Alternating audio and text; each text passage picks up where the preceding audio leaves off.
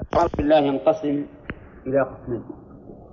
أحدهما السؤال بالله بالصيغة بأن يقول أسألك بالله ومثاله ما مر علينا في حديث الثلاثة حيث قال الملك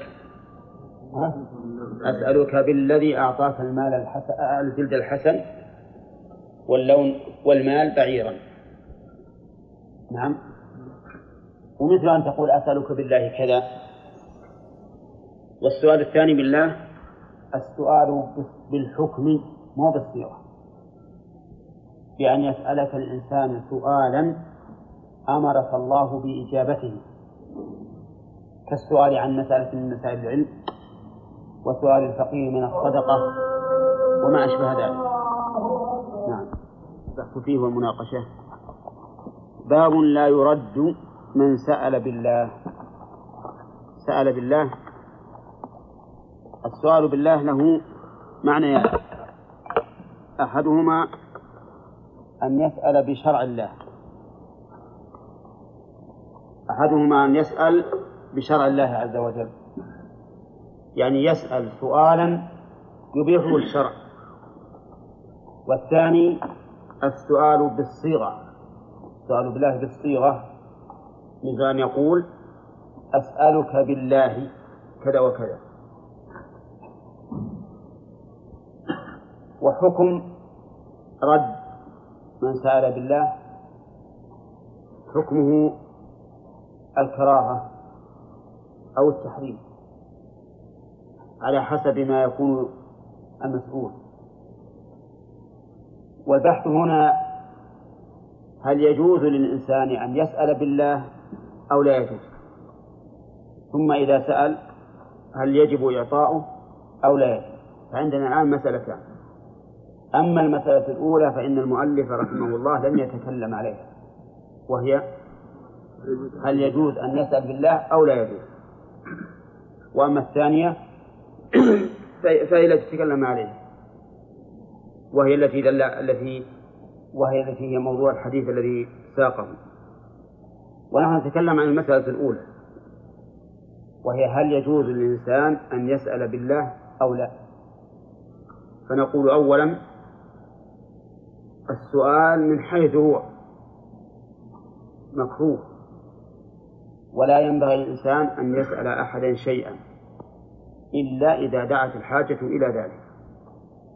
ولهذا كان مما بايع النبي صلى الله عليه وسلم عليه أصحابه ألا يسألوا الناس شيئا حتى إن عصا أحدهم لا يسقط منه وهو على راحلته فلا يقول لأحد ناولني إياه بل ينزل هو ويأخذه.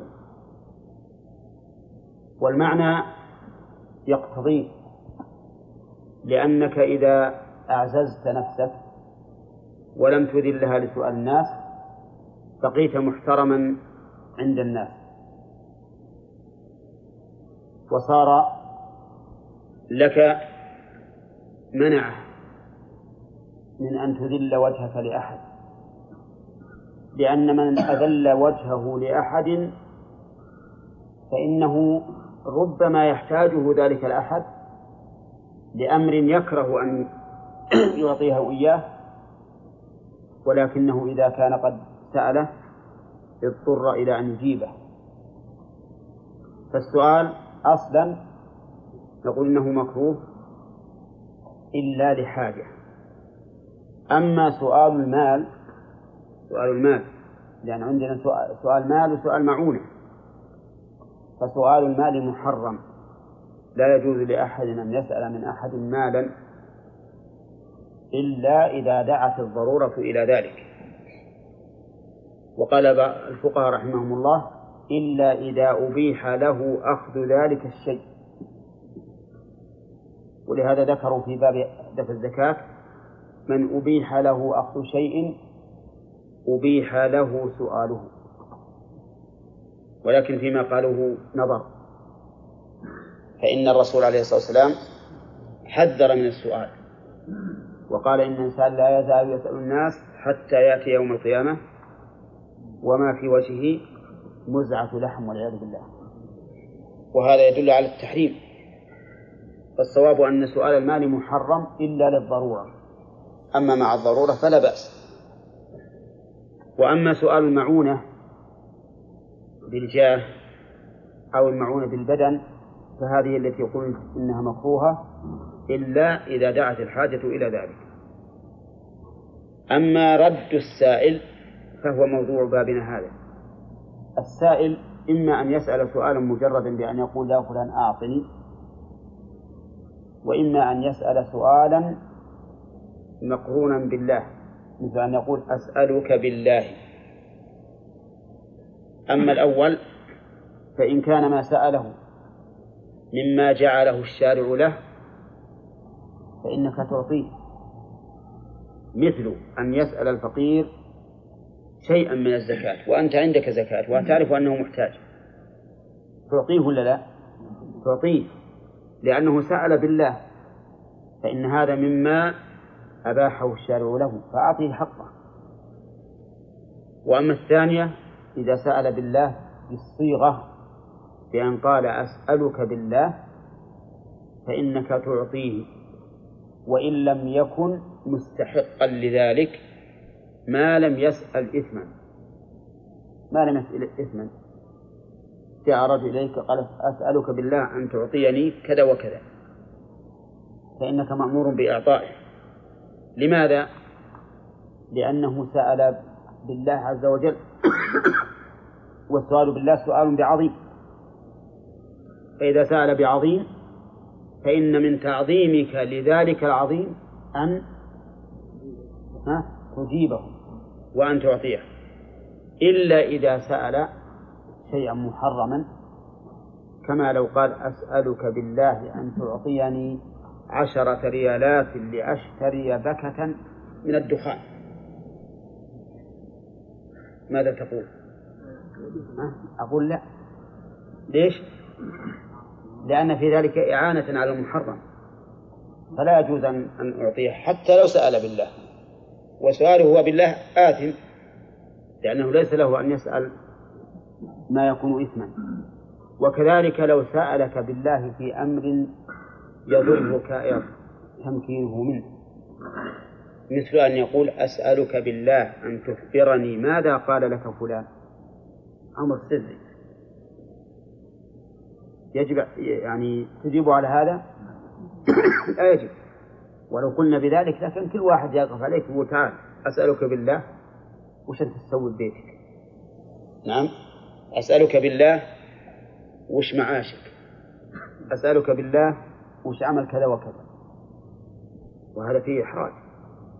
والشريعة لا تأتي بمثل هذه الإجابة لما فيها من هتك أسرار المسلمين ولما فيها من الإغراء إغراء هؤلاء.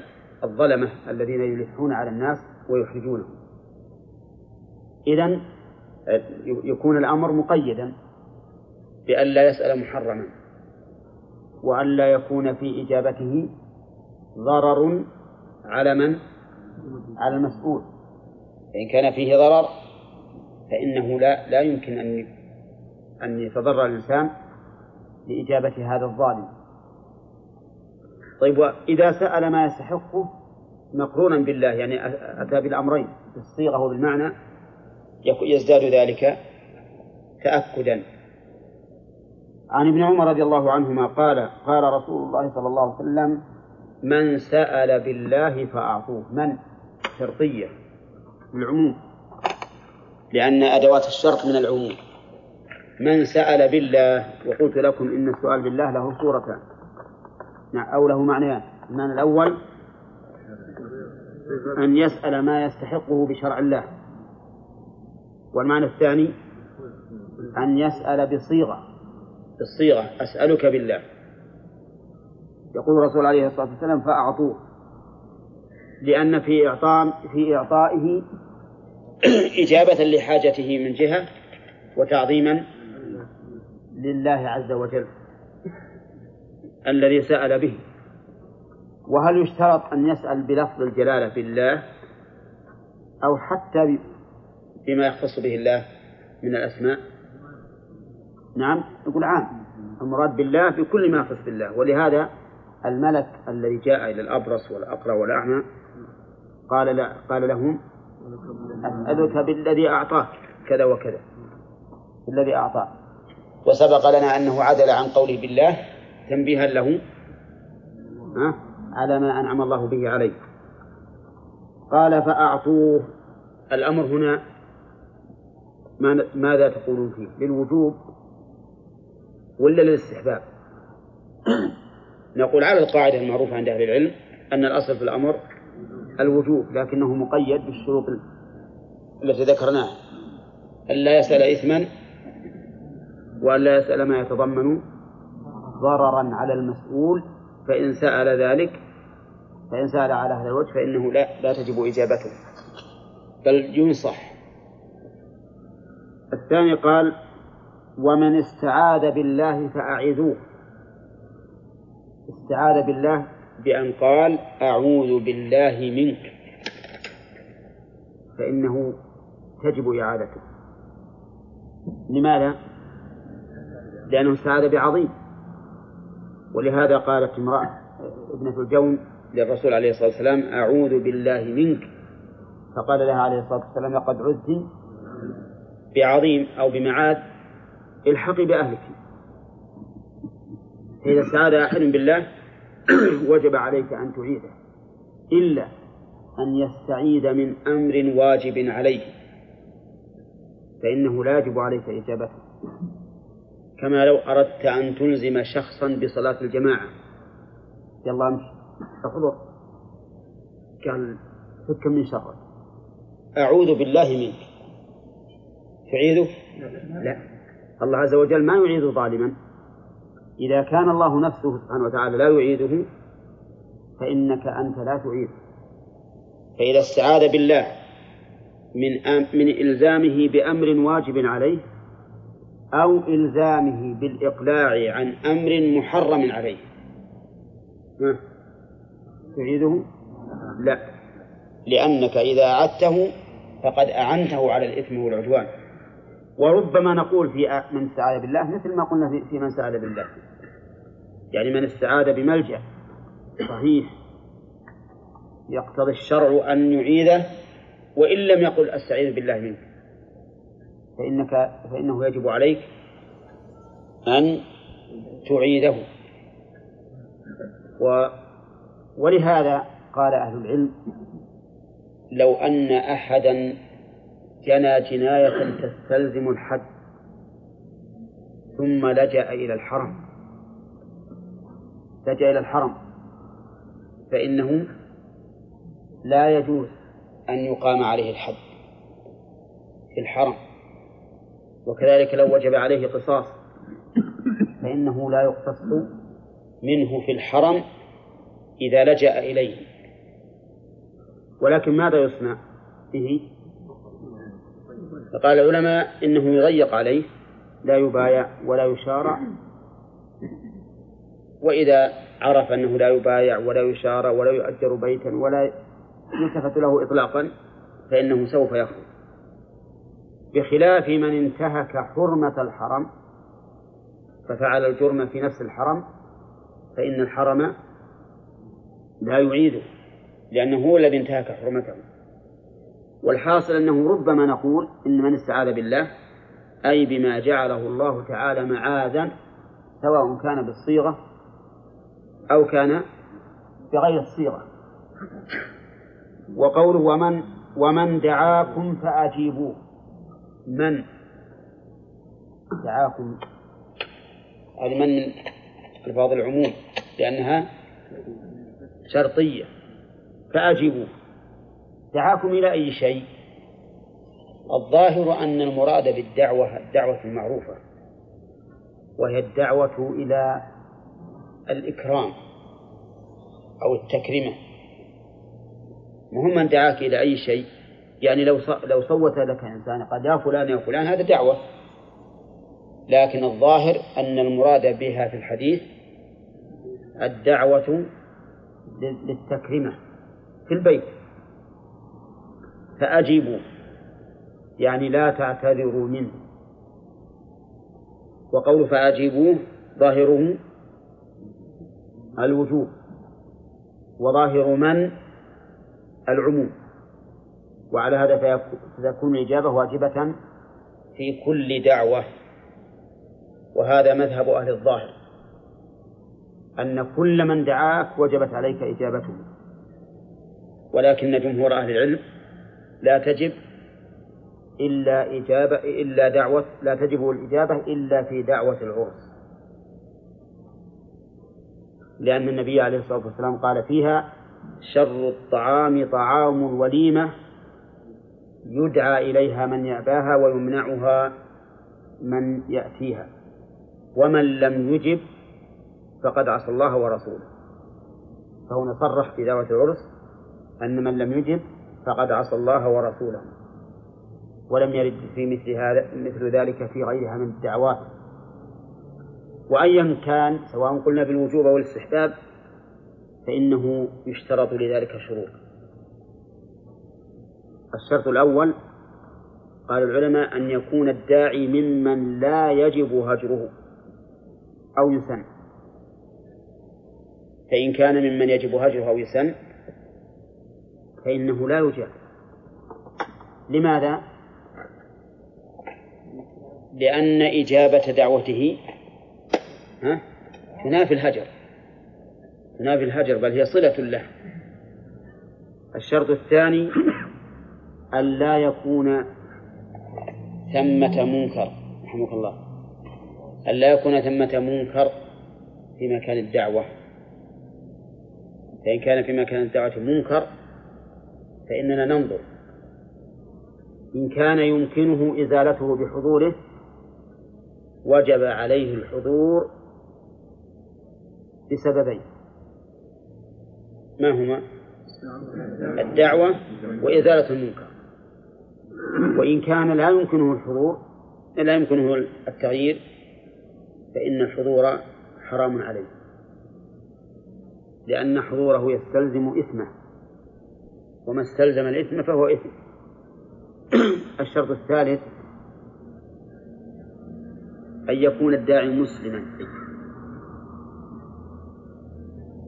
فإنه فإن لم يكن مسلما لم تجب الدعوة. لم تجب الإجابة. يعني لو دعاه ذمي فإن الإجابة لا تجب. من أين أخذ هذا الشرط؟ من قول الرسول عليه الصلاة والسلام حق المسلم على المسلم ست. ومنها إذا دعاك فأجب. قالوا فقول حق المسلم على المسلم. معناه؟ ها؟ التقييد كل ما ورد من العموم. تقييد كل ما ورد من العموم. يشترط أيضا أن لا يكون كسبه حراما. فإن كان كسبه حراما لم تجب الإجابة. لماذا؟ لأنه يستلزم أن تأكل طعاما حراما. وأكل الطعام الحرام لا يجوز. وهذا محل خلاف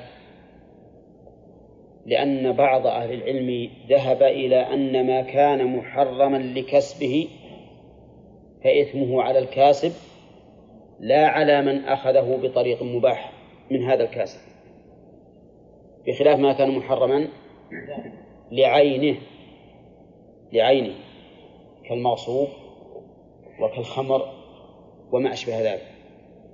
ولكن على الرأي الأول إذا كان الإنسان ليس ماله كله حرام ولكن منه حرام ومنه حلال. نعم؟ فإنها فإنه تق... فإن الكراهة تقوى بحسب كثرة الحرام وقلته. كلما كثر الحرام كان البعد عنه أولى وكلما قل كان أقل كراهة أقل كراهة. طيب. نعم. ما تدخل في هذا الحديث لكنها تدخل في في عمومات أخرى. لأن من دعاك بالنداء فإنه يجب عليك إجابته لتحريم الهجر. لأنك لو لم لو لم تجبه كان هجرا. إلا إذا دعاك إلى أمر محرم فمعلوم أنه لا يجب عليك أن تجيب. نعم.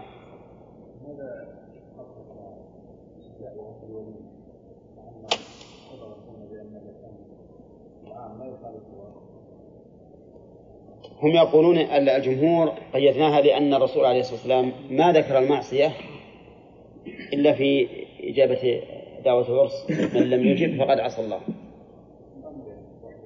ولا شك إن أن القول بأنها للعموم أقرب إلى الصواب. القول بأن العموم أقرب إلى الصواب. وقول من نعم. عامل اليهود اشترى من اليهودي طعاما لأهله وكذلك أجاب دعوة اليهودي وأكل من الشاة التي وجدت له في خيبر والمعروف عن اليهود عامتهم أنهم كانوا يأخذون الربا ويأكلون السحت. ثم إنني إذا أخذت أنا بطريق مباح ما ذنبي؟ إلا إذا عرفت أنه مغصوب مال فلان أو فلان ما أخذ. وربما يقوي هذا قول الرسول عليه الصلاة والسلام في اللحم الذي أهدي على الذي تصدق به على بريرة حيث قال هو لها صدقة ولا منها هدية. وكان يحرم على الرسول أن يأكل الصدقة لكن لما كان لما كان صدقة على إنسان آخر. كسبت على أنها صدقة لكن أخذها الرسول بطريق غير صدقة. فإذا كان تركك لأكل هؤلاء الأقارب يؤدي إلى مفسدة وقطيعة فلا حرج عليك أن تأكل. وكان بعض الناس إذا أكل من هذه الأموال المتشابهة دفعا لمفسدة أو جبرا لخاطر كان يتصدق بقيمة ما أكل. يتصدق بقيمة ما أكل. لكنه فعل ذلك استحسانا. وما ورد فيه الشرع لكن قال إن الله عز وجل يقول يمحق الله الربا ويربي الصدقات ويقول وما آتيتم من ربا ليربو في أموال الناس فلا يربو عند الله وما آتيتم من زكاة تريدون وجه الله فأولئك هم المضعفون وقال لعل هذه الصدقة تكفر ما وقع في قلبي من الشبهة من أكل هذا المال الذي كسبه صاحبه بطريق محرم في واحد يسأل بالآخر نعم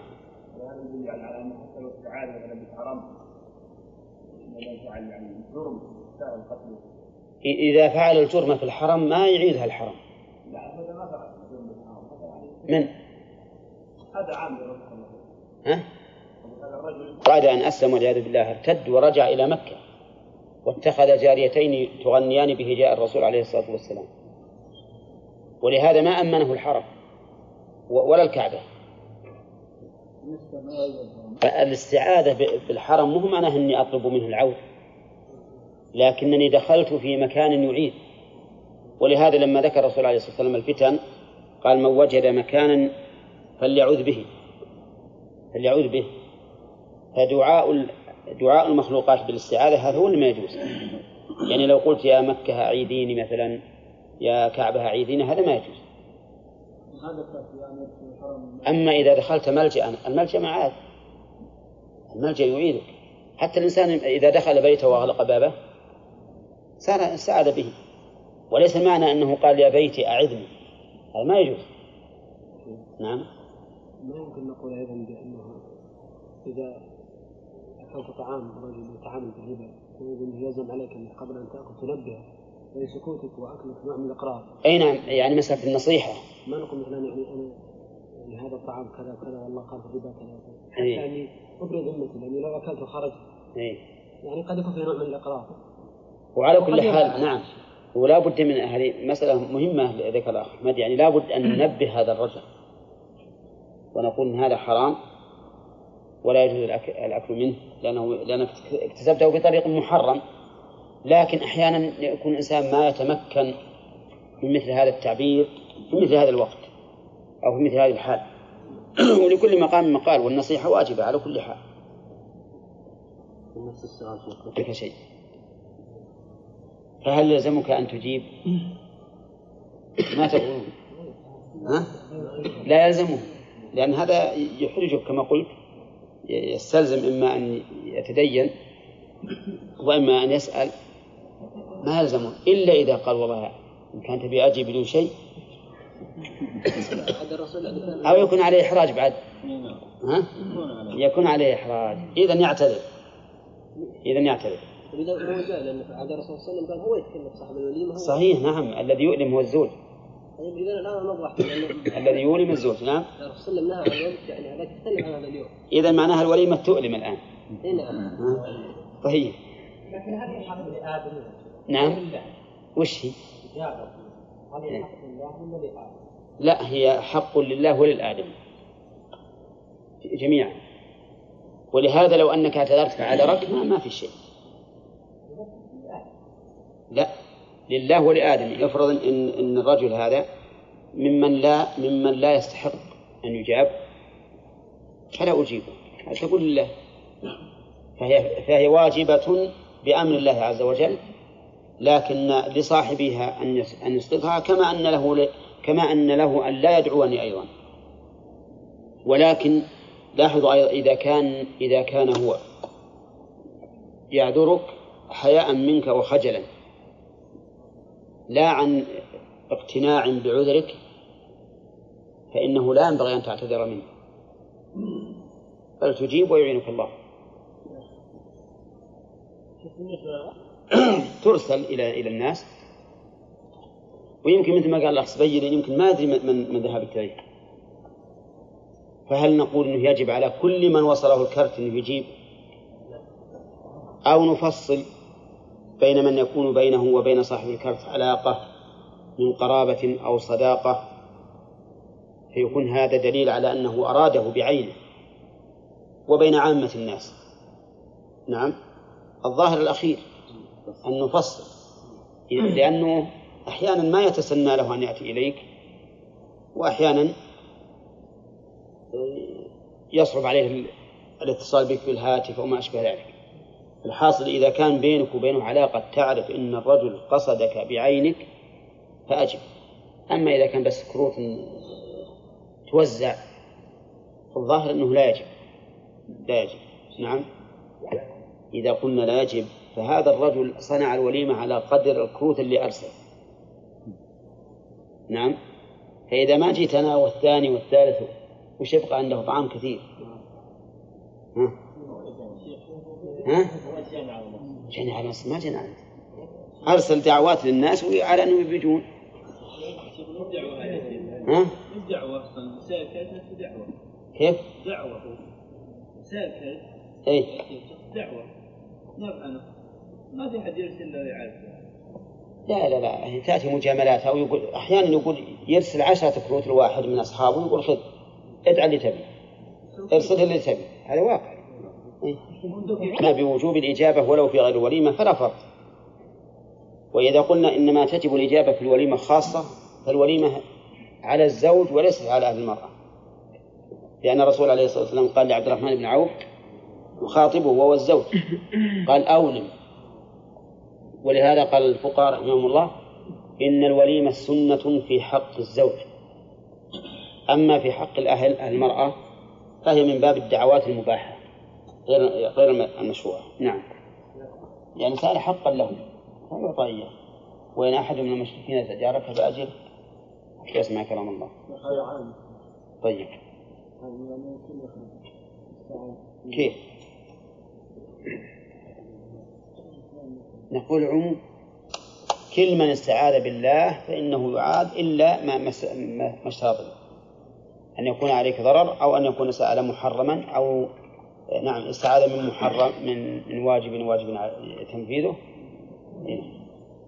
يقول ومن صنع إليكم معروفا فكافئوه. من صنع؟ عام. من صنع إليكم معروفا فكافئوه. والمعروف المراد به الإحسان. كل من أحسن إليك فإنك تكافئه. أحسن إليك بهدية. تكافئه؟ أحسن إليك بإنقاذ من هلكة. تكافئه طيب أحسن إليك بإنجاز معاملة؟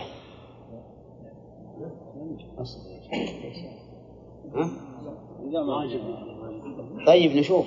إذا كان ما فعله زائدا عن الواجب عليه ها؟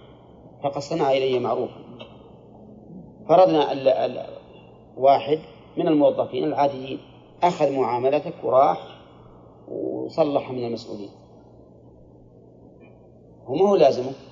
ما هو بلازم عليه ياخذ معاملتك يروح يصلحها عند المسؤولين. هذه معروف ولا لا؟ معروف تكافئه. كل من صنع إليك معروفا فإنك تكافئه. نعم؟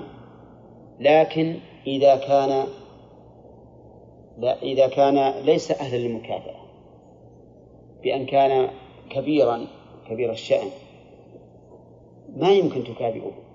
مثل ملك أو وزير أو رئيس أعطاك هدية مثلا تكافئه.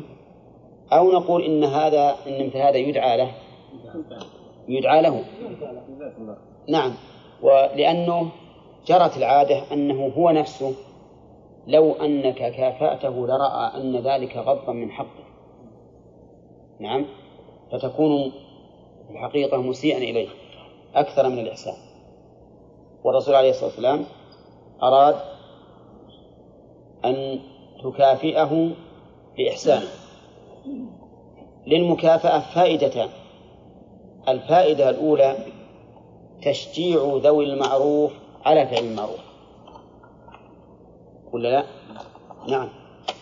لأنك إذا كافأت صاحب المعروف بما يليق به من مكافأة لا شك أنه يتشجع.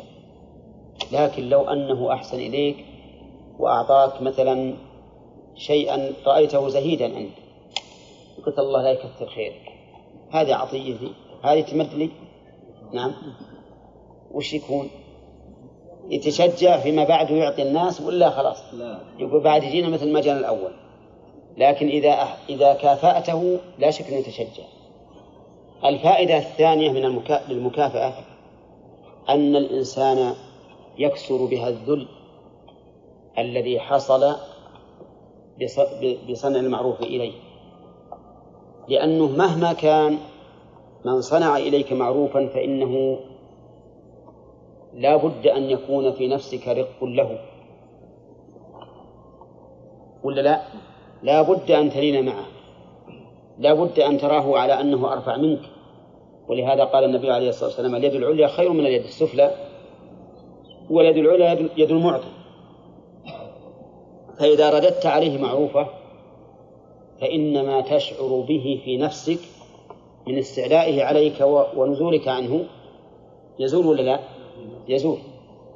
وهذه فائدة عظيمة بالنسبة للمعطى للمصنوع إليه المعروف هذه فائدة عظيمة علشان ما يرى لأحد عليه منة إلا الله عز وجل. وهي من الأخلاق الكريمة التي ينبغي الإنسان أن يلاحظها. ولكن قال بعض الناس إنني لو رددت لو كافأته على معروفه أعطاني أكثر.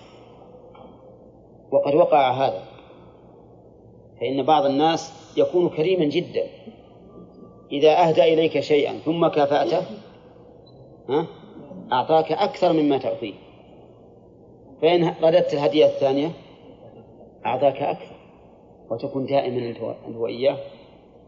فمثل هذا إذا رد علي أكثر أعرف أنه لا يريد مكافأة ولكن مع هذا أدعو له.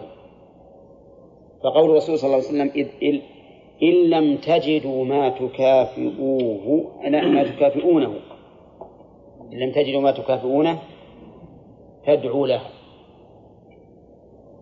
رجل فقير أحسن إليه غني ولا يستطيع أن يكافئ هذا الغني. فماذا يصنع؟ يدعو له. فيقول جزاك الله خيرا وبارك لك في مالك وما أشبه ذلك من الدعاء المناسب. ومن صنع عليه معروف فقال جزاك الله خيرا فقد أبلغ في الثناء. ويكون الثناء أو الدعاء بعد الإهداء مباشرة. ها؟ نعم. بعدها مباشرة. لأن هذا من باب المسارعة إلى أمر الرسول عليه الصلاة والسلام. فإن لم تجدوا ما تكافئونه فادعوا له. ولكن الدعاء مقيد ولا مطلق؟ لا مقيد. حتى تروا أو تروا أنكم قد كافأتموه. والفرق بين تروا وتروا أن تروا بمعنى تعلموا وتروا بمعنى تظنوا. نعم. تروا بمعنى تظنوا. يعني حتى تظنوا ويغلب على ظنكم أنكم قد كافأتموه ثم أمسكوا. ففي هذا الحديث فوائد عظيمة في الحقيقة غير ما يتعلق بالتوحيد فيه فوائد اجتماعية. أولا فيه وجوب إعطاء من سأل بالله. وذكرنا أن ذلك له شروط. ما هي؟ ألا يسأل محرما وألا يكون فيه ضرر على المسؤول. بعد وأن؟ إيش؟ ألا يسأل محرما. هذا اللي قلنا. هو الأول. ألا يسأل محرما وألا يكون فيه ضرر على المسؤول. هذا. خلاص. ما بعد وصلنا هذا. من استعاذ فأعيذوه. من استعاذ بالله فأعيذوه. قلنا هذا أيضا يجب إعادته إلا إلا إن استعاذ من واجب عليه. أو استعاذ من منعه من محرم. استعاذ من واجب عليه جئت وأطلبه حقي. قال أعوذ بالله منك. أقول له أنا وأنا أعوذ بالله من مماطلتك أعطني حقي. صح ولا لا؟ ما ما نعيده أمرناه بأن يأتي الجماعة؟ قال أعوذ بالله منكم ما نعيد. نهيناه أن يقع في محرم فقال أعوذ بالله منكم ما نعيد. الله ضررا على المدعو. هذا لا بد منه ها؟ ها؟ قلنا لسان وهو ألا يستلزم سقوط ما هو أوجب كما لو دعاك دعوة تتضمن سقوط تتضمن ترك صلاة الجماعة ممكن؟ ها؟ ممكن طيب إذا ستة شروط أي ألا يس... ألا يتضمن ألا يتضمن الإجابة بالأخص على العام غير س... غير سديد ما تقول؟ ها؟ لا تكافئه لك أن تكافئه بمثله جزاء سيئة سيئة مثلها لكن ما يطلب منك أن تفعل نعم طيب على كل حال وقد يقول قائل إن الصنيعة في الأصل الصنيعة إذا أطلقت فالمراد بها صنيعة المعروف وحينئذ لا لا يكون إشكال.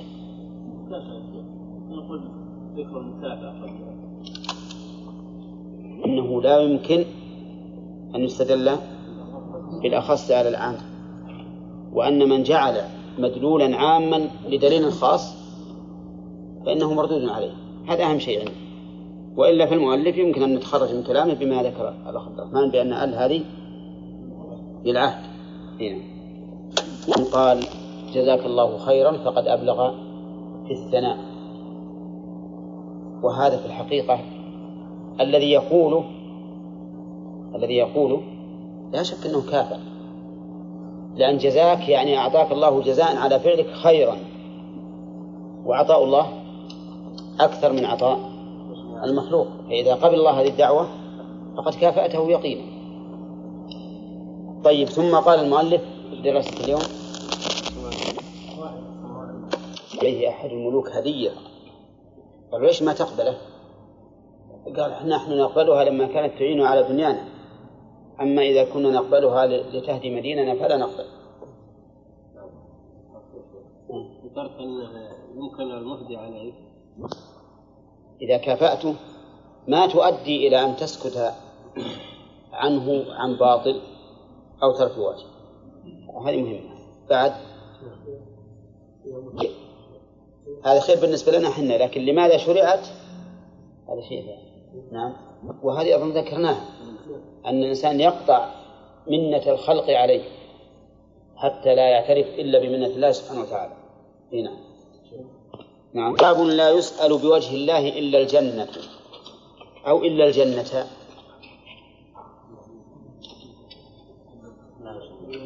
لا يسأل بوجه الله إلا الجنة أو إلا الجنة. بالضم. الذي يقول بالضم نطالبه بالشاهد من كلام ابن مالك. مفرغ. وإن يفرغ سابق إلا لما بعد يكون كما لو إلا عدم أو عدم. عرفتم؟ ها؟ طيب. وإذا إلا الجنة ما ما ما يصح ما يستقيم. لأن يسأل فعل مضارع ما بين المجهول وش يتطلب؟ يتطلب نائب فاعل نعم. لا يسأل بوجه الله إلا الجنة. لا لا. نعم. لا يسأل بوجه الله. هل المراد لا يسأل الله بوجهه إلا الجنة؟ أو لا يسأل أحد لا يسأل أحد بالله إلا الجنة. يعني المعنى الآن فهمتم؟ هل المعنى لا تسأل الله بوجهه إلا الجنة. فإذا قلت اللهم ارزقني سيارة ما تقول أسألك بوجهك أن ترزقني سيارة لأنها ما هي جنة. أو أن المعنى لا تسأل أحدا بالله بوجهه لأن المؤلف أعقبه بباب من سألكم بالله؟ فأعطوه. لا يرد من سأل بالله. هذه اختلف أهل العلم في شرح هذا الحديث. فقال بعضهم لا تسأل أحدا من المخلوقين بوجه الله. ومعلوم أنك إذا قلت إلا الجنة معناه لا تسأل بوجه الله مطلقا. لأنه لا أحد يقدر أن يسأل الجنة. تفهمين هذه؟ يعني إذا أردت أن تسأل أحدا بالله لا تسأل بوجهه لا تقول أسألك بوجه الله كذا وكذا. تقول أسألك بالله لا بأس لكن أسألك بوجه الله لا. لأنه ما يسأل بوجه الله إلا الجنة والخلق لا يقدرون على إعطاء الجنة. فإذا لا يسألون بوجه الله مطلقا.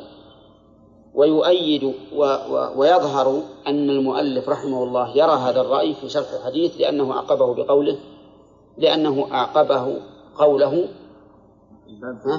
باب لا يرد من سأل بالله. وقيل بل المعنى لا يسأل الله بوجهه إلا الجنة.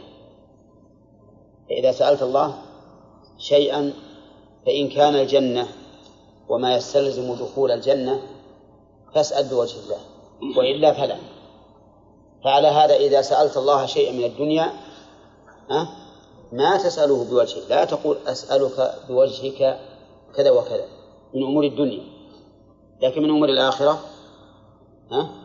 تسأله. مثل تقول أسألك بوجهك أن تنجيني من النار. نعم. والنبي عليه الصلاة والسلام استعاذ بوجه الله. لما لما نزلت قوله تعالى قل هو قادر على أن يبعث عليكم عذابا من فوقكم قال أعوذ بوجهك. أو من تحت أرجلكم قال أعوذ بوجهك. أو يلبسكم شيعا ويذيق بعضكم بعض. السبع قال هذه أهون. هذه أهون. بلى. إذن لو قال قائل بأنه يعم المعنيين جميعا لكان لكان له وجه. وقوله بوجه الله فيه فيه إثبات الوجه لله عز وجل. وهو ثابت في القرآن وبالسنة. وإجماع السلف. في القرآن مثل كل من عليها فان ويبقى وجه ربك. ذو الجلال ذو ذو الجلال والإكرام. وقال تعالى كل شيء هالك إلا وجهه. وقال والذين صبروا ابتغاء, ابتغاء وجه ربهم. والآيات في هذا كثيرة. والأحاديث أيضا كثيرة في هذا. ومنه ما أشرنا إليه قبل قليل. أعوذ بوجهك. فما هذا الوجه الذي أضافه الله إلى نفسه؟ هل هو وجه حقيقي؟ أو أنه وجه يعبر به عن الذات؟ يعبر به عن الذات وليس لله وجه بل له ذات. أو أنه يعبر عن شيء يراد به وجهه وليس هو الوجه الحقيقي. أو أنه يعبر به عن الجهة أو أنه يعبر عن به عن الثواب. نعم خلاف خلاف. ولكن هدى الله الذين آمنوا لما اختلفوا فيه من الحق بإذنه. فقالوا إن إن وجه الله وجه حق. لأن الله تعالى قال ويبقى وجه ربك ذو ذو الجلال. ولما أراد غير غير ذاته قال تبارك اسم ربك ذي الجلال. شف ذي صفة للرب ما هي الاسم. لكن يبقى وجه ربك ذو صفة لإيش؟ لوجه. فإذا الوجه هو الموصوف بالجلال والإكرام وإذا كان الوجه موصوفا بالجلال والإكرام فإنه لا يمكن أن يراد به ثواب. ولا يمكن أن يراد به جهة ولا يمكن أن يراد به ذات لأن وجه ربك غير ذات ربك إذ أن الذات هي الرب. والوجه شيء زائد. شيء زائد فهو من صفات الله عز وجل الثابتة له على وجه الحقيقة وجه حقيقي. وأما أهل التأويل فقالوا إن الله ليس له وجه والعياذ بالله. وقالوا إن الوجه عبارة عن الذات أو الجهة أو الثواب. أما الوجه حقيقة لا لماذا يا ناس؟ قال لأنك لو أثبت لله وجه حقيقة لزم أن يكون جسما والأجسام متماثلة. ويلزم من ذلك إثبات المثل لله عز وجل. إثبات المثل لله. وهذا تكذيب لقول الله تعالى ليس كمثله شيء. عرفتم كيف؟ ها؟ ما عرفت طيب. قالوا لا يراد به الوجه الحقيقي. لماذا يا جماعة؟ مماثلا للخلق. مماثلا للخلق. ها؟ طيب. والله وإذا لزم أن يكون مماثلا للخلق صار ذلك تكذيبا لقول الله تعالى ها؟ ليس كمثله شيء. وأنتم يا أهل السنة تقولون إن الممثل كافر. الذي يعتقد أن لله مثيلا فيما يختص به الرب فهو كافر لأنه مكذب للقرآن. واضح الآن؟ طيب نشوف. نقول لهم إذا قلتم إذا إذا ثبت أن لله وجها حقيقيا لزم أن يكون جسما فما تعنون بالجسم الذي فررتم منه؟ أتعنون بالجسم الشيء المركب من عظام وأعصاب ولحم ودم بحيث يفتقر كل جزء منه إلى الآخر. إن أردتم ذلك نعم فإننا نوافقكم على أن الله ليس على هذا الوجه ولا يمكن أن يكون الله تعالى على هذا الوجه. وإن أردتم بالجسم الذات الحقيقية الثابتة المتصفة بما يجب لها من صفات الكمال فهل في هذا محذور؟ ها؟ ما في هذا محذور. نعم. أي ما فيه أي محذور.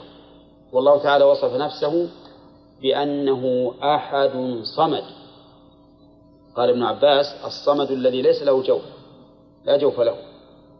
والله عز وجل صمد. له ذات لكن لا تشبه الذوات. طيب ثم نقول وقولكم إن الأجسام متماثلة قضية من أكذب القضايا.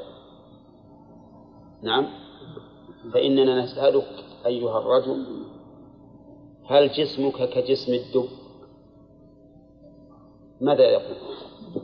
ها؟ لا. هل جسمك كجسم الذرة؟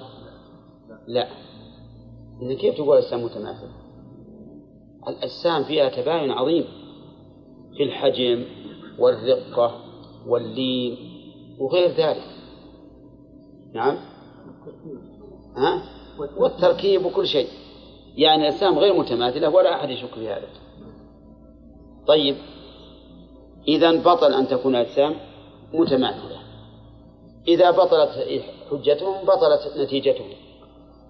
أن يكون ذلك مستلزما لأن يكون الله عز وجل مماثلا للخلق. إذا قلنا بأن له وجها حقيقيا. ونحن الآن نشاهد من المخلوقات ما لها ما له وجوه. وتتفق في الوجوه ولا لا؟ ها؟ ما تتفق؟ ولا البشر يتفقون. حتى البشر ما يتفقون في الوجوه. صح ولا لا؟ ولذلك يقولون يزعمون ما أدري هو صحيح ولا لا. ما من إنسان في الدنيا إلا وله أربعون شبيه ما أدري هذه صحيح ولا لا. ها؟ ولكن ما هو صحيح الظاهر. ما من إنسان في الدنيا والله أعلم يشابه الآخر. سبحان الله العظيم. على كثرة الخلق ما تجد أحد يشابه الآخر. ها؟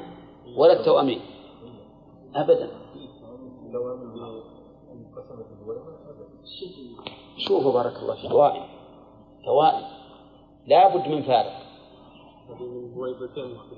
ما نعرف عن المبويضتين المهم إن إنه ما هو لازم. ونعرف واحد اثنين ما تعرف واحد ولا شيخ بارك الله فيك الآن أنا ما أنا ما أعرفكم كلكم على سبيل التفصيل. لكن بعضكم يكلمني اليوم ومن يجي واحد مثله من بكرة حسبه. يعني الفرق دقيق لازم من فرق من كل وجه. لو تشوفهم عند بعضهم ما تعرف. ما يخالف جيبهم لنا نشوف. طيب دقيقة.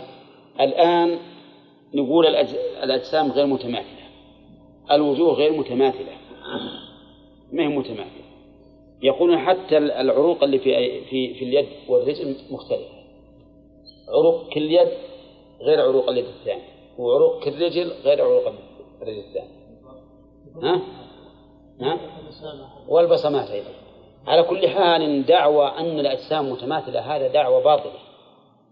وبهذا يجب علينا أن نؤمن. بأن الله عز وجل له وجه حقيقي موصوف بالجلال والإكرام.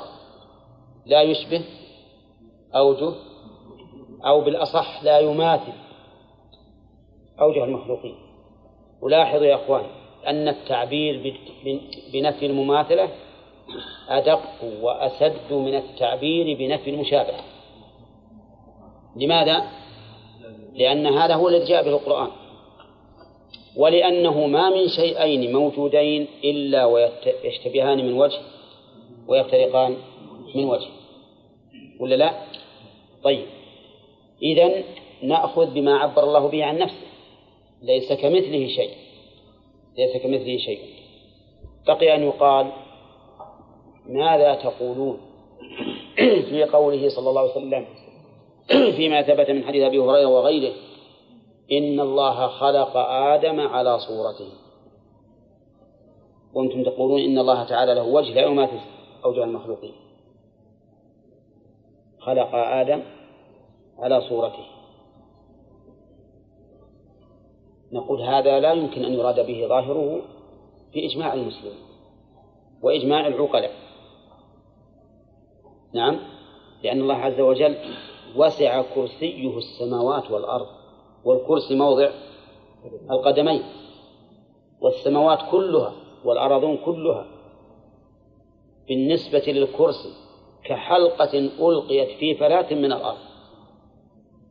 نعم. وفضل العرش على الكرسي كفضل الفلاة على هذه الحلقة. فما ظنك برب العالمين؟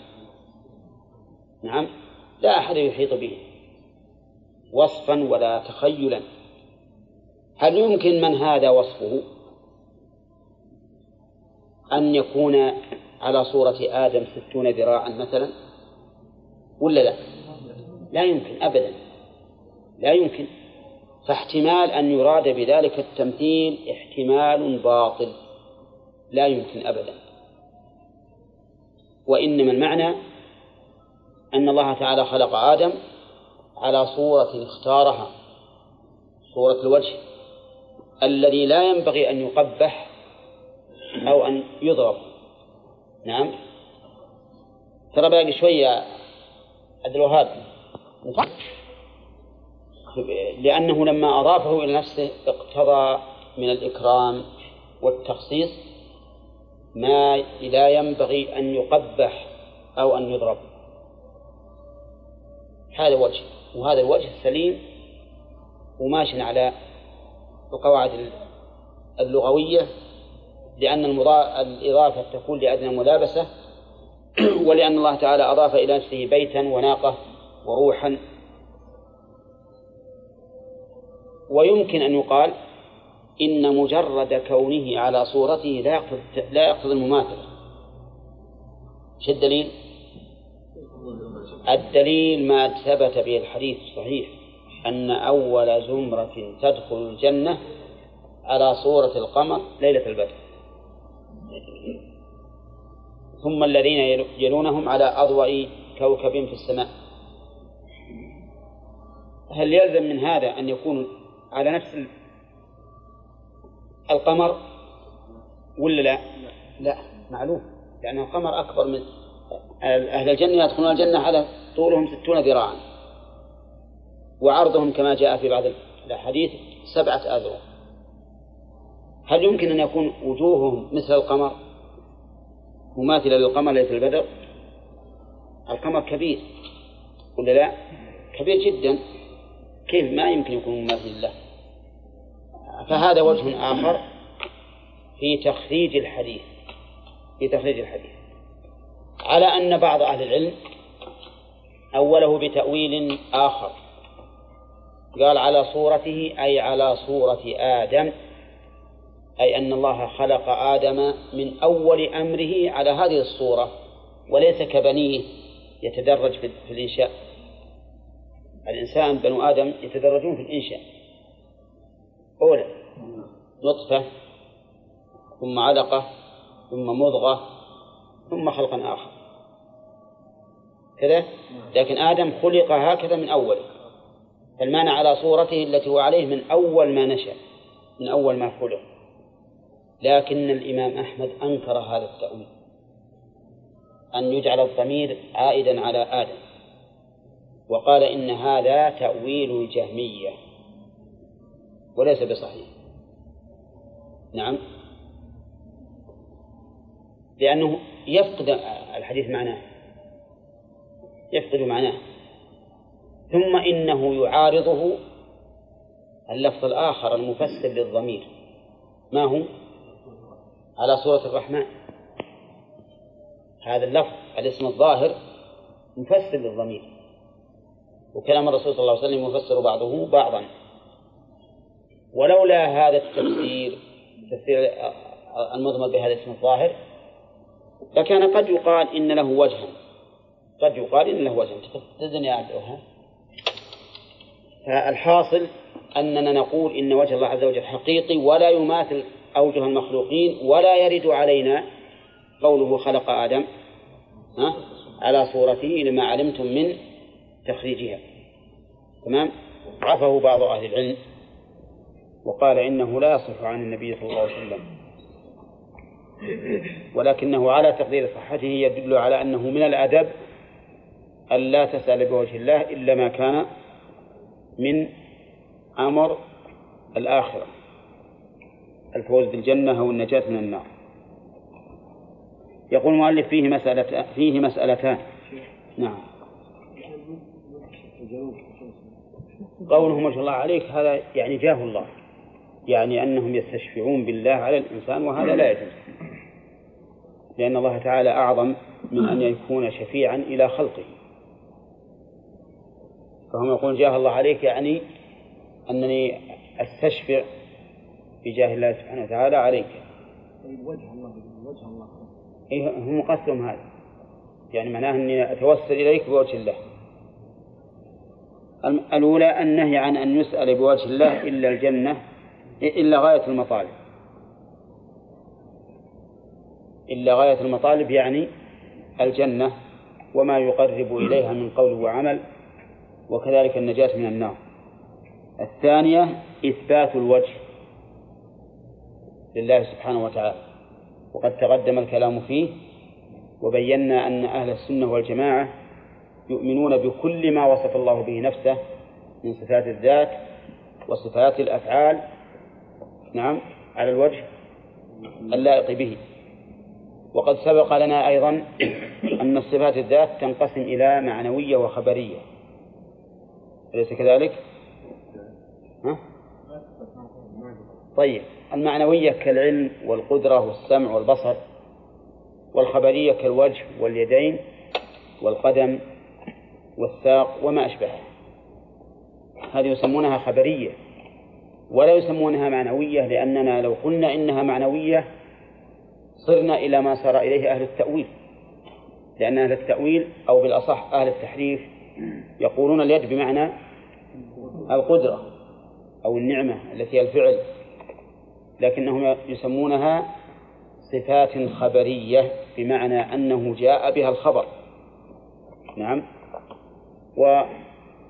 ونظير أسمائها أبعاض لنا. فاليد بالنسبة للإنسان بعض له والوجه بالنسبة للإنسان بعض له وكذلك الساق والقدم والعين لكننا لا نقول هذا بالنسبة لله. ما نقول إن عينه بعض منه أو إن يده بعض منه أو ما أشبه ذلك. لاتفاق السلف على أن الله تعالى لا يوصف بما يدل على التجزئة والتبعض لكن نقول نظيرها في التسمية بالنسبة لنا أبعاض لنا. ولهذا ما نسميها معنوية؟ نسميها خبرية. نعم. نعم.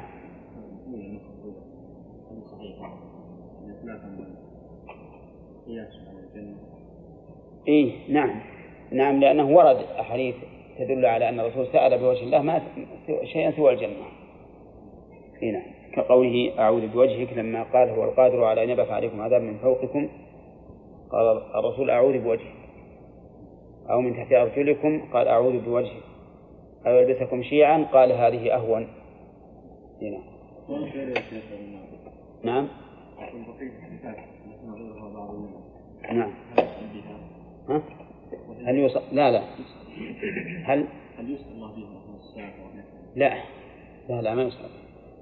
ما يسأل إلا بوجه الله.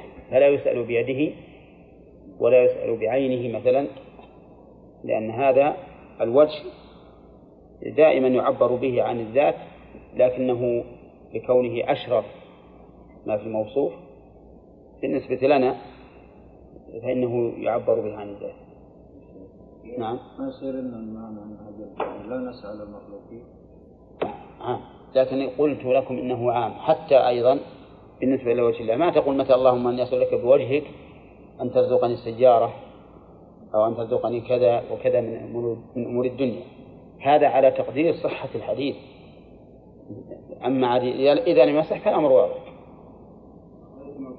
من أنهم ما يصفون الله إلا بما وصف به نفسه أو وصف به رسوله. بلى. مثل يعني الذات والجسم. نعم. وصف الله بالذات والجسم. نعم. هذه ما وردت الجسم ما نقول إن الله جسم. لا. لا نثبته ولا ننفيه. يعني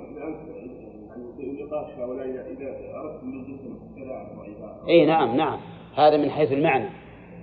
أما من حيث اللفظ فلا يجوز إثباته ولا يجوز نفيه. أما الذات فهو يعبر بها عن حقيقة الشيء.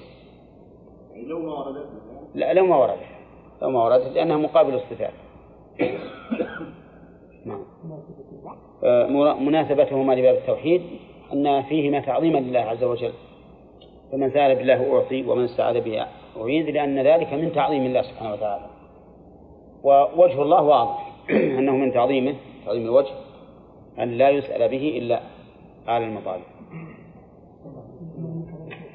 هي التي لا ينفك الله عنها.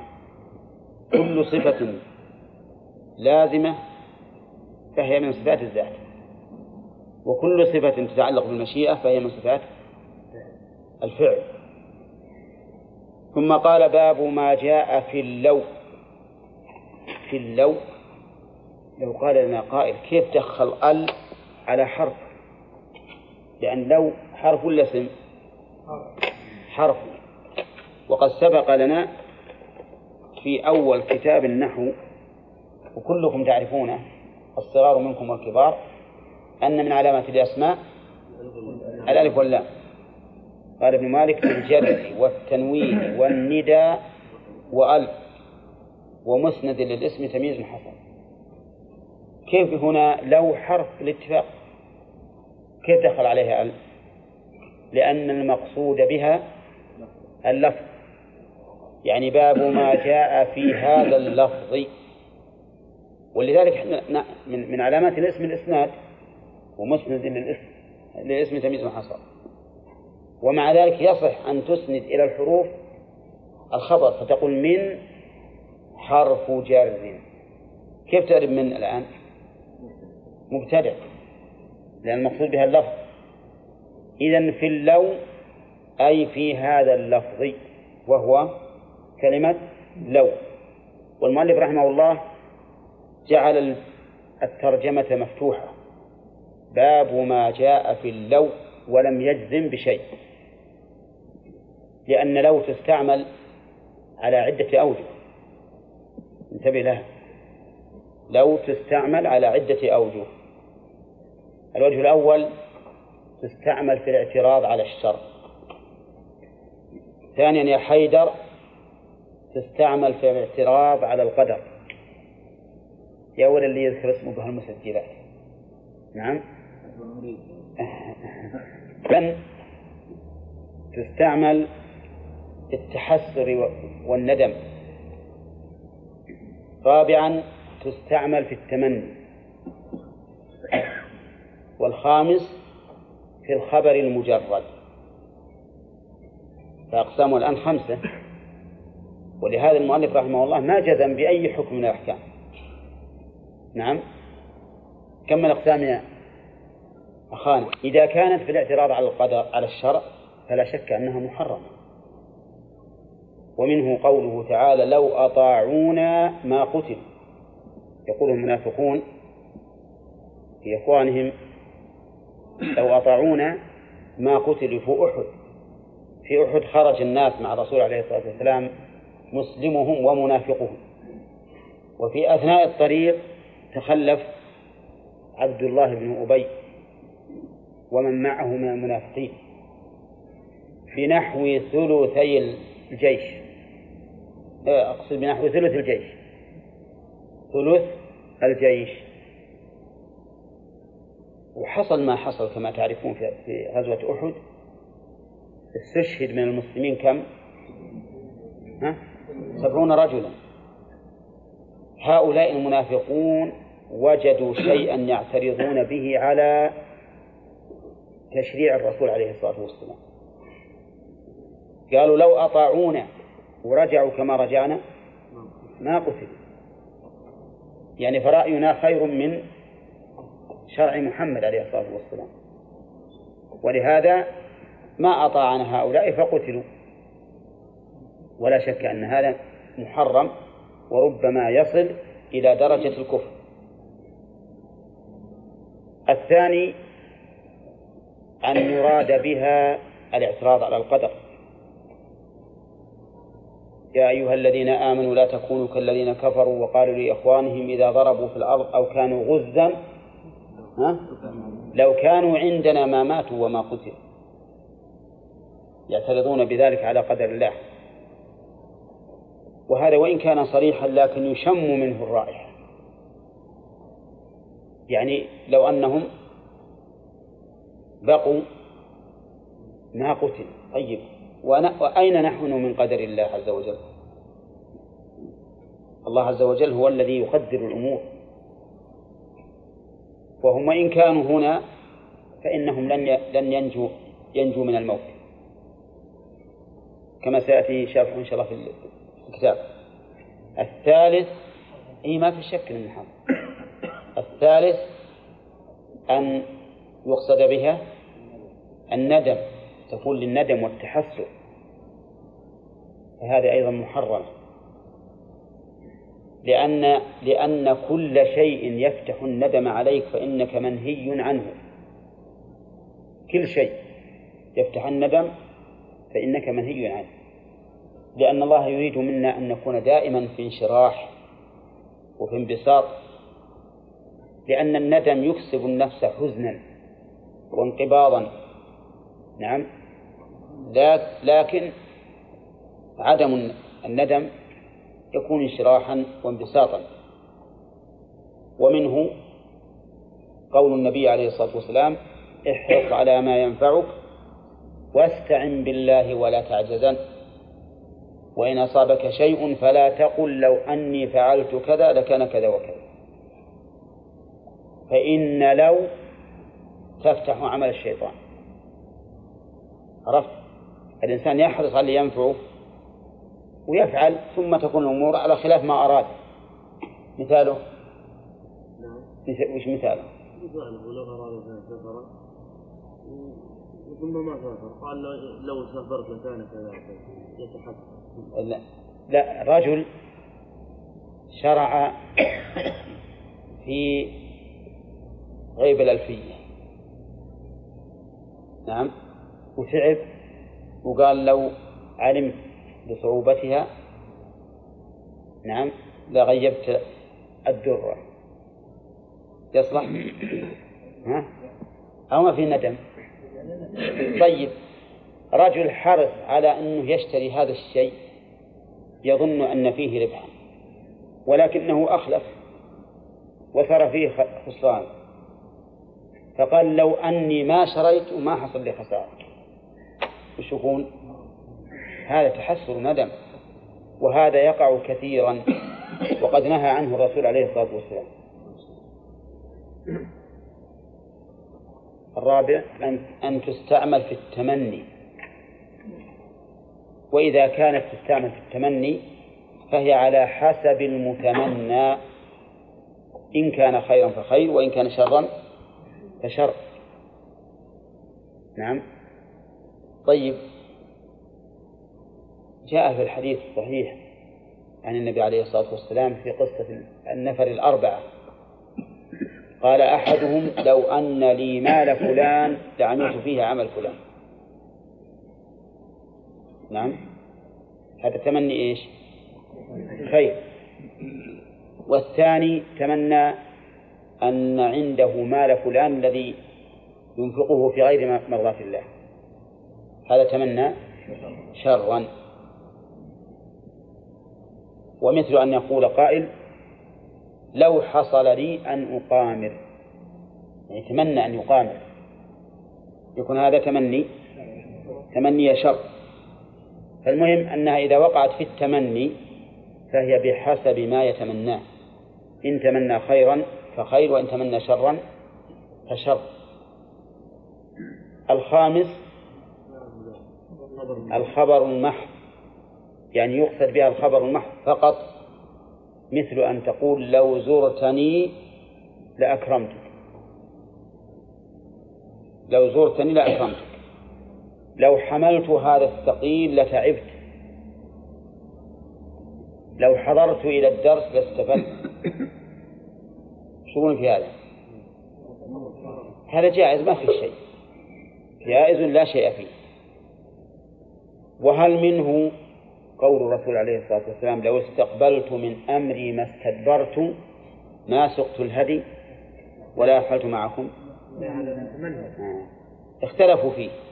فبعضهم قال إن هذا خبر والرسول عليه الصلاة والسلام أخبر أنه لو لو علم أن هذا الأمر سيكون من الصحابة. ما ساق الهدي ولا أحل.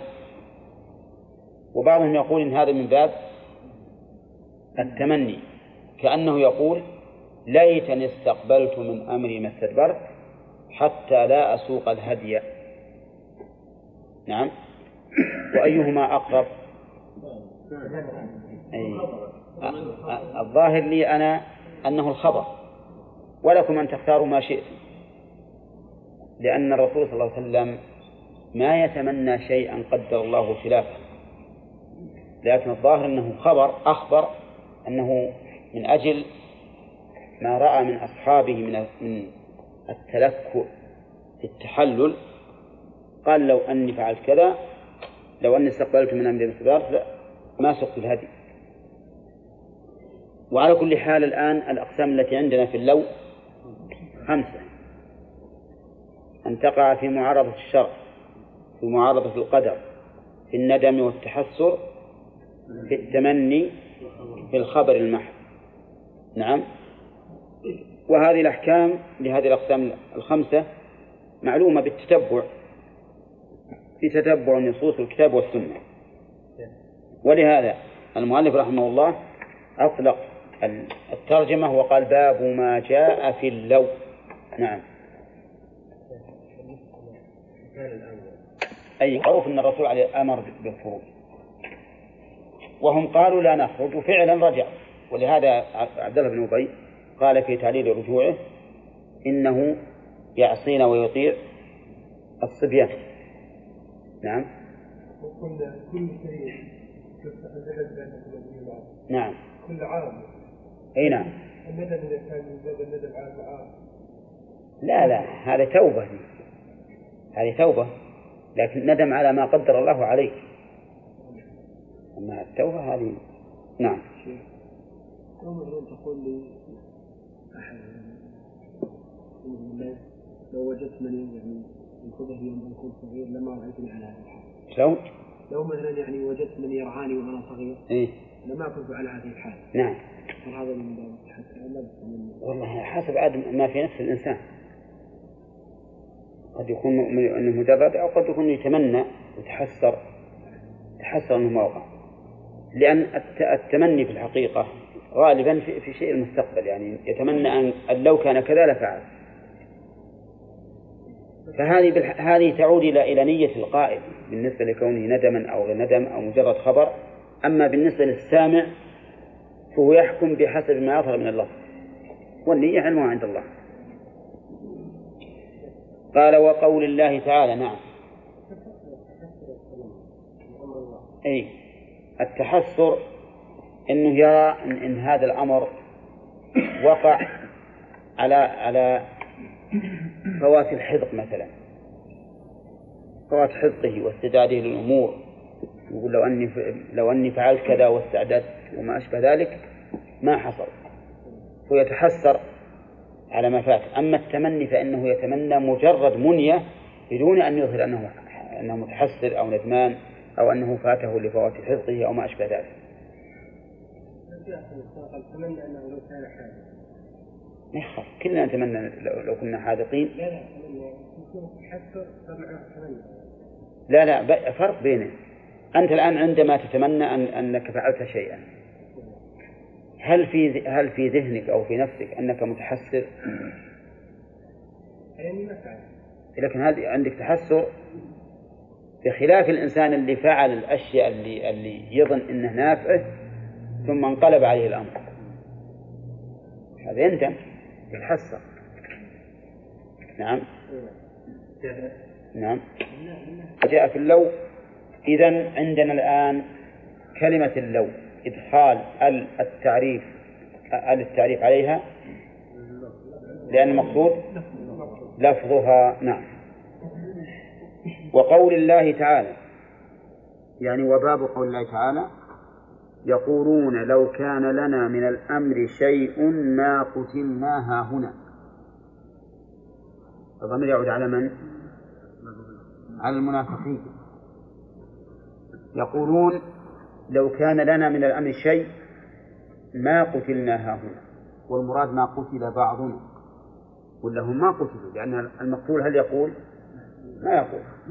قال الله تعالى يخفون في أنفسهم ما لا يبدون لك. ما الذي يخفونه؟ لا بينه.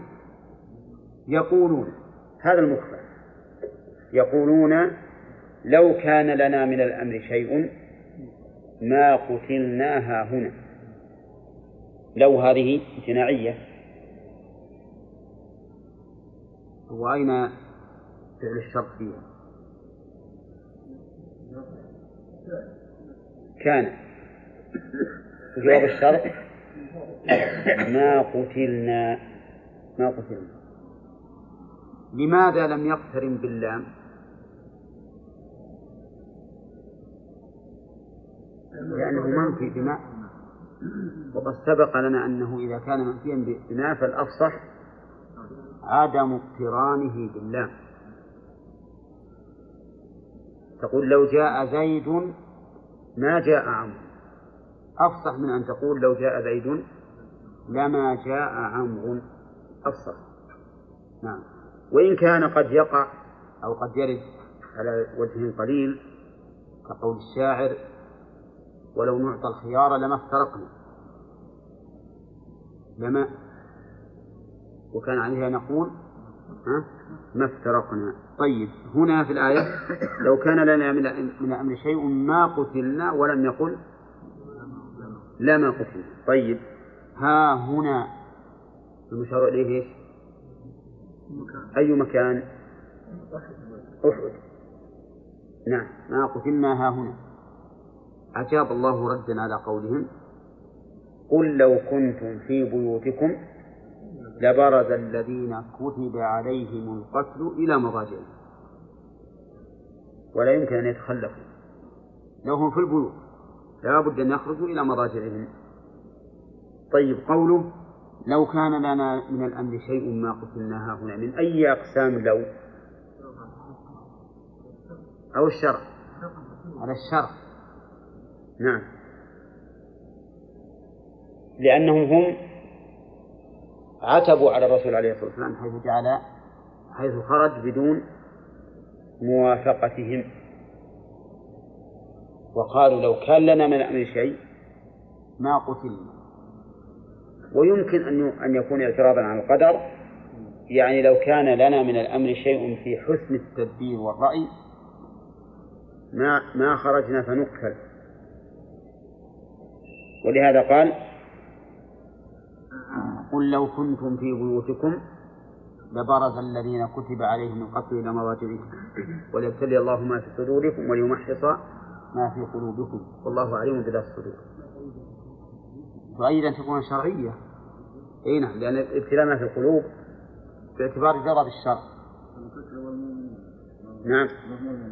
أي نعم لكن ما قلنا إنهم يتظاهرون بالإسلام. فالمعنى ما قتلنا أي ما قتل بعضنا. قال وقوله الذين قالوا لإخوانهم وقعدوا ها لو أطاعونا ما قتلوا هذا قدري اعتراض على القدر. الذين قالوا لإخوانهم وقوله وقعدوا ما محل هذه الجملة من الإعراب؟ هل هي جملة حالية أو معطوفة على قال. فيكون هنا إن قلنا إنها إن معطوفة على قالوا فقد وصف هؤلاء بالأمر بأمرين. الاعتراض على القدر والجبن عن تنفيذ الشرع. الجبن عن الجهاد. الاعتراض على القدر بماذا؟ بقولهم لو أطاعونا ما قتل والجبن عن الجهاد بقولهم بقوله وقعدوا فهم جبناء عن الفعل وهم معترضون على القدر. وإن قلنا إن الواو للحال وأن الجملة على تقدير قد أي لو الذين قالوا لإخوانهم وقد قعدوا يعني والحال أنهم قد قعدوا سيكون الجملة في محل نصب. على الحال. ويكون أيضا فيه توبيخ لهم حيث قالوا مع قعود حيث قالوا هذا القول مع قعودهم. ولو كان فيهم خير لخرجوا مع الناس لكن ليس فيهم خير ما فيهم إلا الاعتراض والتنكيت على المؤمنين وعلى قضاء الله وقدره. وقولها الذين قالوا لإخوانهم وقعدوا لو أطاعونا ما قتلوا من يعني بهم يا رشيد؟ إخوانهم المنافقين. هم يعلمون نعم. كلمة لإخوانهم قال بعض المفسرين لإخوانهم في النسب. لإخوانهم في النسب وليسوا إخوانا لهم في الدين. وقال آخرون لإخوانهم في الدين ظاهرا لأن المنافقين يتظاهرون في الإسلام. في الإسلام. فيكون معنى وقالوا لإخوانهم في الدين ظاهرا. نعم. ولو قال قائل إنه شامل للأمرين ها لكان ذلك صحيحا. لأن من المؤمنين الذين قتلوا في سبيل الله من هو أخ لهم في النسب من بني عمهم ومن هو أخ لهم في الإسلام ظاهرا. نعم. واضح طيب وقول لو أطاعونا ما قتلوا هل هذا صحيح؟ ها؟ غير صحيح ولهذا رد الله عليهم بقوله قل فادرءوا عن أنفسكم الموت إن كنتم صادقين وأنتم قاعدين هل تستطيعون أن تدروا عن أنفسكم الموت؟ ها؟ لا في الآية مع الآية اللي قبلها. تدل على أنه لا فرار من قدر الله. وأن الإنسان مهما كان فإنه محكوم بقدر الله تعالى. كما أنه يجب أن يكون محكوما بشريعة الله. ومناسبة هذه هذا الباب للتوحيد ظاهرة جدا لأن فيه لأن فيه الاعتراض لأن من جملة أقسام لو الاعتراض على القدر. ومن اعترض على قدر الله عز وجل فإنه لم يرضى بالله ربا. ومن لم يرضى بالله ربا فإنه لم يحقق توحيد الربوبية. نعم. والواجب أن ترضى بالله ربا. ولا يمكن أن تستريح وينشرح صدرك إلا إذا رضيت بالله ربا تمام الرضا. وكنت تمشي مع القضاء والقدر. يكون لك أجنحة لكنها تميل حيث مال بها القدر. ولهذا قال الرسول صلى الله عليه وسلم يا عبد الله. قال الرسول عليه الصلاة والسلام عجبا لأمر المؤمن إن أمره كله خير. لماذا؟ إن أصابته ضراء صبر فكان خيرا له وإن أصابته سراء شكر فكان خيرا له. وجرب نفسك. ثم اعلم أنه مهما كان فإن الأمر سيكون على ما كان. فهمت؟ مهما كان الأمر. لا تقول والله يعني مثل واحد خرج في سفر فأصيب بحادث. لا تقل لو أني ما خرجت في هذا السفر ما أصبت في الحادث. هذا صحيح. لكن لا بد أن تخرج ولا بد أن تصاب لماذا؟ لأن هذا مقدر لا بد منه. تزوج إنسان بامرأة. فوجدها امرأة شوهاء. شوهاء المنظر. سيئة المنظر. فقال لو أني ما تزوجت هذه سلمت من شرها. نقول؟ ما يمكن. لا أن صحيح لو ما تزوجتها سلمت منها. لكن لا يمكن أن لا تتزوجها. لا بد أن تتزوج. فإذا علمت ذلك هان عليك الأمر. وأنه لا بد لا بد أن يسير الإنسان هكذا. فيه رجل كان عنده أطفال في البيت. كان عنده أطفال في البيت. فشدت طفلة منهم فوطئت على فم الخزان. وعليه الغطاء. عليه غطاء ووطئت على طرف الغطاء. فانحصر الغطاء حتى سقطت في الخزان وماتت كانت لو إنه ما راحت للخزان وش تبي بالخزان؟ نعم. وش يمكن هذا؟ صحيح هي لو ما راحت سلمت لكن لا يمكن إلا أن تروح وتقع فإذا علمت بهذا وأيقنت أنه مهما عملت من الأعمال لا بد أن تكون تجري الأمور على ما كانت عليه هانت عليك الأمور.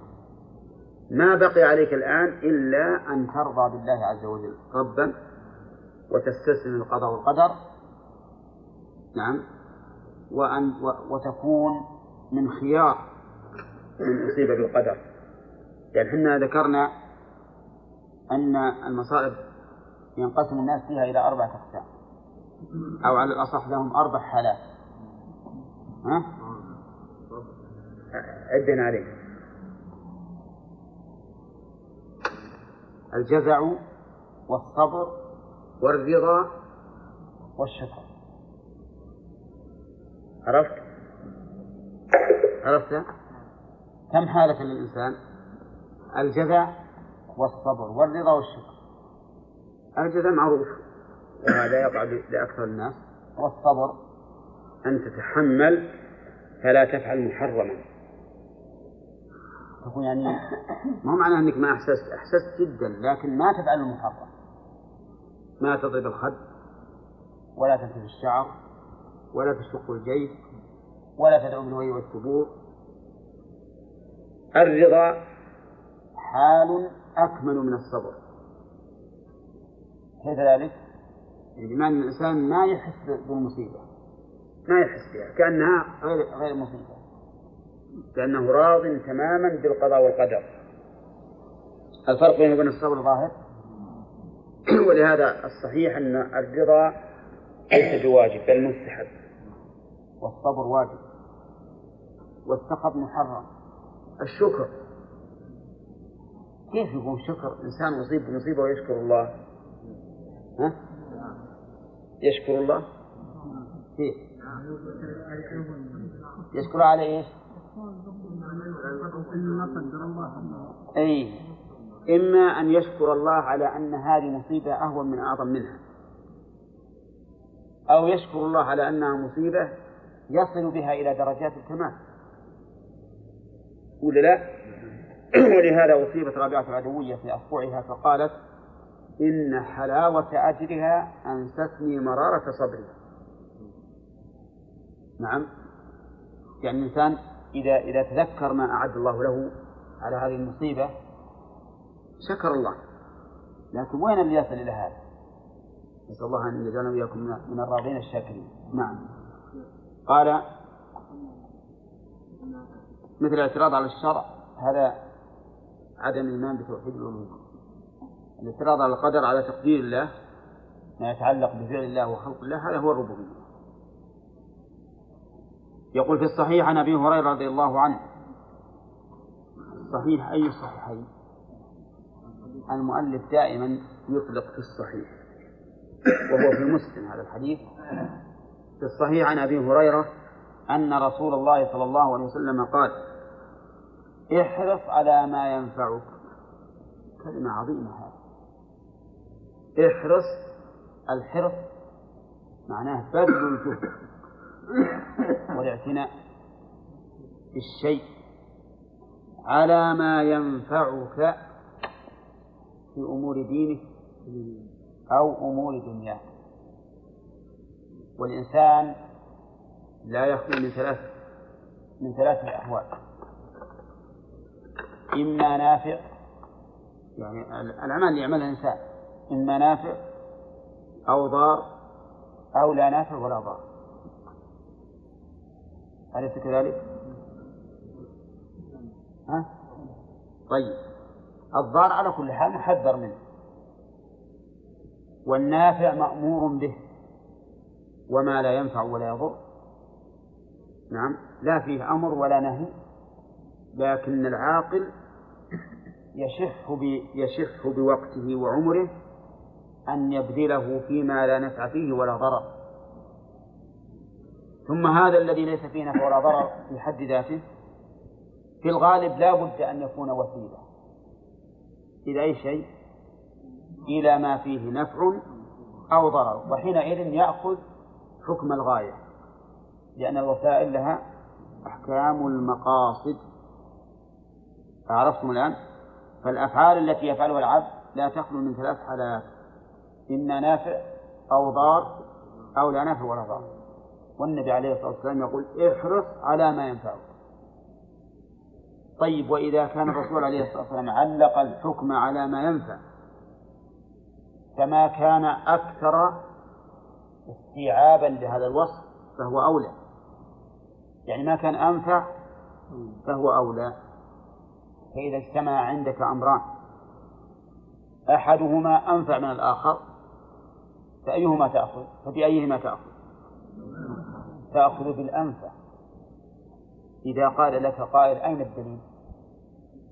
نقول قول الرسول عليه الصلاة والسلام احرص على ما ينفعك لو قال هذا ما في ما قال احرص على أنفع الأشياء. قلنا إن الحكم إذا علق على وصف كانت قوة الحكم بحسب ذلك الوصف.